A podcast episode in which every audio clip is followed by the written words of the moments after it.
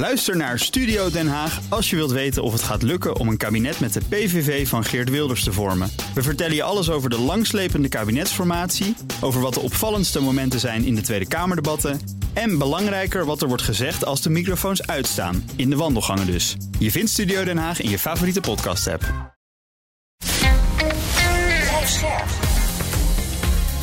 BNR Nieuwsradio. Boekenstein en de Wijk. Hugo Reitsma. Dit is een extra uitzending van Boekenstein en de Wijk in verband met de oorlog in Oekraïne en de crisis met Rusland. Het is donderdag, dag 281 van de invasie. En Arend-Jan, jij had een vraag voor ons binnengekregen. Ja, een vraag van meneer Van Aartsen. Moet Amerika niet gewoon Pfizer-vaccins doneren aan China in het kader van confidence building measures? Huh. En wat vind je zelf? Nou kijk, je, ik vind het een hartstikke interessant onderwerp. Je moet je dus voorstellen, de Chinezen, dat gaat om prestige natuurlijk, dus volstrekt duidelijk. Ja. Nou, het blijkt dus dat die westerse mRNA-vaccins, dat is zo'n doorslaggevend eh, succes geworden. Ik zeg dat altijd heel graag tegen wappies in mijn omgeving, want dat een erg groot succes is geworden. want ze hebben er alles aan gedaan om daar het eh, vertrouwen in eh, kapot te maken. Hè? Nou, de, Chine- de Chinezen zijn zelf ook bezig met een mRNA-vaccin, maar dat is nog steeds niet eh, goed. Maar, en, en, het is ook, eh, en ook de Duitsers hebben dus twee dagen geleden nog gezegd van... nou jongen, gebruik nou onze westerse mRNA-vaccins. Maar China doet het niet. Die hadden eerder een, een ander, op een andere manier in elkaar geknutseld eh, vaccin, hè, dat gewoon veel slechter werkt. Ja. Ja, ze hebben zo'n Sinopharm, dat is gewoon helemaal slecht. En ze zeggen nu ook dat ze ook bezig, zelf zijn bezig met een mRNA, een China-made mRNA-vaccin van de compagnie Wolvax. Hè. Eh, maar dat eh, moet nog steeds worden getest en toegestaan in China zelf. Het was wel in Indonesië toegestaan. Maar hier zie je dus een prachtig voorbeeld. Hè, van dit gaat dus over de strijd, ook een ideologische strijd tussen Westen en tussen eigenlijk zeg maar het kapitalisme in het Westen en toch een en het staatskapitalisten in China, waarbij we gewoon allemaal moeten erkennen dat het mRNA-vaccin toch wel een enorm succes is geweest. Maar wat zou je ermee willen bereiken? Dus het, eh, waar, de, de crux zit er natuurlijk gewoon in het woord vertrouwenwekkende maatregelen. Dat kan je dus op veel meer eh, manieren doen, die vertrouwenwekkende maatregelen. Ja. Eh, en inderdaad, dat zou je inderdaad met vaccins kunnen doen. Maar wat zou je ermee willen bereiken? Dat, is Nou, natuurlijk, kijk- dat is natuurlijk gewoon, dat is gewoon de belangrijke Ja. vraag. Want we hebben een ongelooflijk conflict. In de eerste plaats tussen de Verenigde Staten en, en China. Maar dat gaat eigenlijk over halfgeleiders. Eh, Met andere woorden, door het ontzeggen van de toegang tot geavanceerde halfgeleiders hoop je, en dat lukt trouwens ook, de ontwikkeling, de economische ontwikkeling van eh, China te remmen. Waardoor Amerika tijd en ruimte creëert om zelf geavanceerde halfgeleiders eh, te maken, die op dit ogenblik op Taiwan worden gemaakt. Dus dat is een punt. Het andere punt is dat je hoopt dat China uiteindelijk tegen Poetin aan gaat duwen. Om ervoor te zorgen dat hij ophoudt met zijn oorlog eh, tegen eh, Oekraïne. Dat ga je toch niet redden met vertrouwenwekkende maatregelen? Of, of, zie ik iets verkeerd? Nou, misschien dat je er dit over zou kunnen zeggen. Van dat hele COVID-beleid van Xi is echt in zijn gezicht ontploft. Hè? Het is nog veel erger dan we allemaal gedacht hebben. En er is echt nationwide zijn er demonstraties. Nou, waar we nu bang voor zijn, is dat Xi dit nu gebruikt. Dit binnenlandse politieke ellende. Dat wil hij dan wegpoetsen door een buitenlandse politiek succes. Dus sommige mensen zijn bang dat het misschien toch ertoe zal leiden dat hij in Taiwan gekke dingen gaat doen. Nou, in dat hele zou wel Taiwan. ja. zijn hoor. Dat vind ik ook hoor, maar, maar het, is wel, het is wel een angst die er leeft. Hè? Nou, in dat hele Taiwan-dossier zie je eigenlijk steeds escalaties. Hè? Mensen zijn bang en dat zou over twee jaar, dan zeggen we een Amerikaanse generaal, het zou over twee jaar gebeuren. Ik zou ook wel eens Hmm. geïnteresseerd zijn in de-escalatie.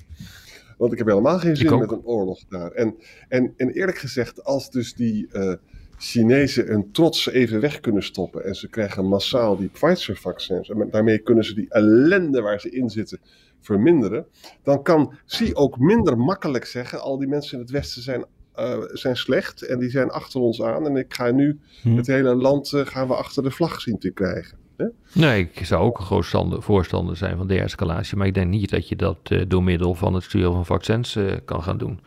Eh, het, het- sterker nog, het zou best kunnen zijn, en ik denk dat je het zelf dat ook al hebt gezegd, Arend Jan, dat er dan een situatie ontstaat dat, dat zijn positie verder ondermijnd ziet.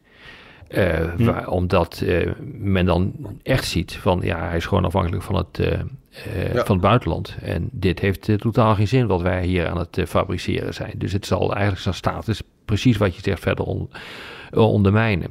Nee, ja, het, het probleem is, uh, de-escalatie moet van beide kanten komen. Ik was buitengewoon ongelukkig met het bezoek van Pelosi, de voorzitter van het huis in Amerika, aan Taiwan. Niet omdat ik, dat de boodschap, dat ik de boodschap niet deelde van we steunen Taiwan als, als democratie. Maar het heeft op een ongehoorde manier duidelijk gemaakt hoe zwak Amerika eigenlijk is. Uh, want uh, jullie kunnen je nog wel herinneren dat er allerlei oefeningen werden gehouden. Er werd uh, door, feitelijk zelfs door de territoriale wateren van, of boven de territoriale wateren van, van Taiwan, werd er gevlogen. de rakeling scheerde die vliegtuigen langs het eiland. En Amerika kon niet zo gek veel doen. In de jaren negentig kon ze nog een oorlogsschip uh, door de strijd van Taiwan uh, sturen. Dus tussen Taiwan en het vasteland in. Om duidelijk te maken van als je met je poten aan Taiwan komt, dan krijg je wat. En nu durven ze dat niet aan. Uh, dus... en, en dat krijg je dus met dit soort acties. Ook dat is ook niet altijd strategisch gedacht, moet ik zeggen hoor, van, van Pelosi. En ja, dat escaleert gewoon. En daardoor heb je de zaak, de zaak gewoon niet minder onder controle. Maar dit is wel wat je krijgt. Ja, in een strijd tussen een, wat we in het jargon een hegemoniale macht noemen. Dus een wereldmacht die het voor het zeggen heeft, Amerika, en een opkomende hegemoon, en dat is China.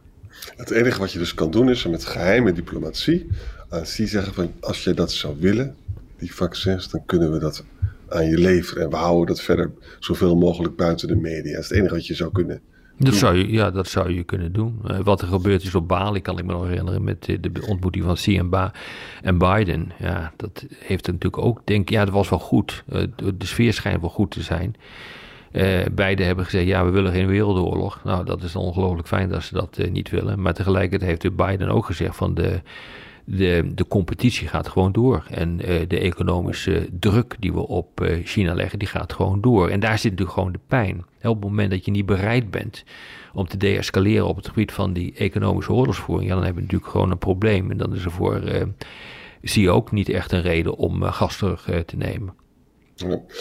Weet je, um, de Scholz heeft bij zijn laatste bezoek aan China gezegd dat de expats, hè, dus de Duitse expats in China, maar ook de anderen, die krijgen dus wel BioNTech Pfizer. Hè? Hm. Maar dat geldt dus niet voor de Chinese burgers. Dat is natuurlijk ook ontzettend pijnlijk. Hè? Dat, dat, dat, zien mensen dan ook gebeuren. Wat, uh, is allemaal pijnlijk, moet ik zeggen. Ja, ik weet niet of ze dat zien, omdat, uh, zoals je weet, is de controle op wat je kunt zeggen in China, zeker op de sociale media, tamelijk groot. Ja.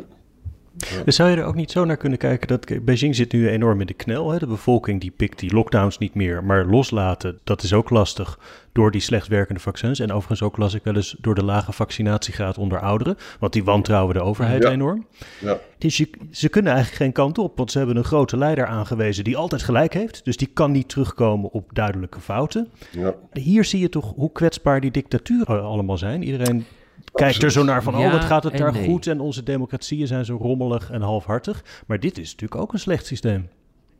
Ja, maar dat is het ook. Dat weten we al heel lang. Met een, uh, met een uh, echte probleem los je met een dictatuur absoluut niet op. Maar je weet ook niet hoe groot het probleem is. En we zien natuurlijk op, uh, op de media, zien we en in de uh, en we zien in de krant de foto's uh, iedere keer van dezelfde plek, omdat daar toevallig journalisten zijn. Hm. Maar dat zegt natuurlijk helemaal niks over uh, de aard van en de omvang van de, van de protesten. Ja, ik wijs er toch nog maar weer eens op dat er 1,4 miljard Chinezen in China wonen. Hm. dat er onwaarschijnlijk veel miljoenen steden zijn. Ik weet niet eens meer hoeveel, maar tientallen.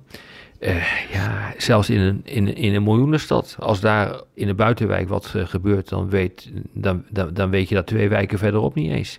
Dus ik weet gewoon niet hoe groot het is. En dat is denk ik de hamvraag die je moet stellen voordat je gewoon weet of, mhm. of, of, of dit echt effecten heeft op China. Ik zou het, ik zou het gewoon niet weten. Uh, wat we wel weten is dat de uh, die Chinese regering enorm hecht aan het sociale contract. Hè, dus de afspraak tussen de burger en de leiding, waarbij de baas zegt, in dit geval Xi, ik zorg ervoor dat jij veiligheid en welvaart brengt. En als dat gaat verschuiven, als dat, dat verbrokkelt, dat sociale contract, dan flikkert de hele boel in elkaar. Vraag maar aan de oude keizers. Ja, wat ik er interessant aan vind is, weet je nog bij helemaal bij het begin, er was dus één dokter, hè, die zei in november eh, twee jaar geleden van, er is, is een verschrikkelijk virus hier en daar moeten we heel hard aan werken met elkaar. Maar die man werd ontslagen uit dat ziekenhuis, weet Ja. je wel. Ja. Dus een afschuwelijke eh, kennis is dat natuurlijk, hè, dat, dat dat gebeurd is. Ook niet erg goed voor een dictatuur. Maar vervolgens hebben ze dat hele strenge eh, zero-covid-beleid ontwikkeld, dat in het begin heel succesvol was qua slachtoffers. Maar de ellende zit er nou in een wereld waarbij je toch controleerd dit virus moet laten rondrazen omdat dat de enige manier is om die immuniteit te... Zijn we weer terug bij die oude discussie. Hè? Ja. En, wat, en wat ik dan helemaal ironisch vind, jongens, is dat... Kijk, we zijn nu zelf, gaat het heel aardig in het Westen. We hopen dat we het hiermee gaan redden. Hè? Hadden we ook niet helemaal verwacht dat het zo goed zou aflopen als, als het zo goed... Maar de ellende is, als het dus nu gaat rondrazen in China... dan is er ruimte voor veel meer varianten... waarvan er natuurlijk een aantal heel dodelijk kunnen Mhm. zijn. En daar hebben wij dan ook weer last van. Ja, dat zou kunnen. Ja. Dus Ja. we leven dus in een wereld waarin we internationale governance nodig hebben en we hebben nog steeds natiestaten. Nou ja, we hebben ze wel. De WHO, eh, die, eh, eh, die zou hier een hele belangrijke rol in moeten spelen. Maar destijds heeft Trump zich er ongeveer uit teruggetrokken. Ja. Dus er moet ook wel een bereidheid zijn om dat voor elkaar te krijgen in de huidige wereldorde die zo aan het verschuiven is met opkomende nieuwe landen. Zie je dat dat soort organisaties ook helemaal gepolitiseerd worden. Maar wat, wat, wat is nou de conclusie, om het maar even af te ronden, van deze vraag? Nou, de we zijn alle vraag- kanten op gegaan, onder Ja. andere door mijn toedoen. Ja. Maar wat is nou, wat is, wat is nou eh, het echte antwoord? Nee, denk Als ik. je, nou, Nee. nou, als je het in het Een beetje. geheim doet, als je het in het geheim doet, stel je voor dat er in, in, in China nog veel meer de pleuris uitbreekt dan nu het geval is. Hè? Dan is het nooit verkeerd met geheime diplomatie te laten vallen. Als je dat zou willen, dan kunnen we dat leveren en we houden het buiten de. Ik, ik ben heel erg voor de-escaleren op elk niveau. En zeker in een wereld waarin ik zie verleid kan worden om buitenlands politieke successen te behalen, om binnenlands politieke Hmm. ellende te maskeren. Maar dat is wel een oude klassieke mechanisme dat je, dat je heel vaak ziet terug. Ja, ik, ik, ik weet het niet hoor. Ik denk dat er gewoon iets. Een, een- een niveau hoger eh, zit, zit de pijn. Dat heeft gewoon te maken met de economische oorlog die eh, de Chinezen en de Amerikanen nu tegen elkaar aan het voeren zijn. En dat eh, gaat om die halfgeleiders. Als je daar niks gaat doen, ja, dan ben je ook niet eh, in staat om iets eh, voor elkaar te krijgen op het, eh, met, met vaccins. Maar ik bedoel, ik ben het wel met je eens. Ja, dat het misschien een heel klein stapje in een, in een richting is waarbij landen toch iets verder bij elkaar kunnen komen. Hm. Volgens mij gaan we het hier vrijdag ook verder over hebben. hè? Oh, Ja. gezellig. Ja. Nou, moeten we nu maar snel stoppen, want anders hebben we voor vrijdag niks meer. We zien elkaar vrijdag. Oké, Ja. vrijdag. Ook Harm Edens vind je in de BNR-app. Je kunt BNR Duurzaam niet alleen live luisteren in de app, maar ook terugluisteren als podcast, zoals al onze podcasts. En naast dat de BNR-app Breaking News meldt, houden we je ook op de hoogte van het laatste zakelijke nieuws. Download nu de gratis BNR-app en blijf scherp.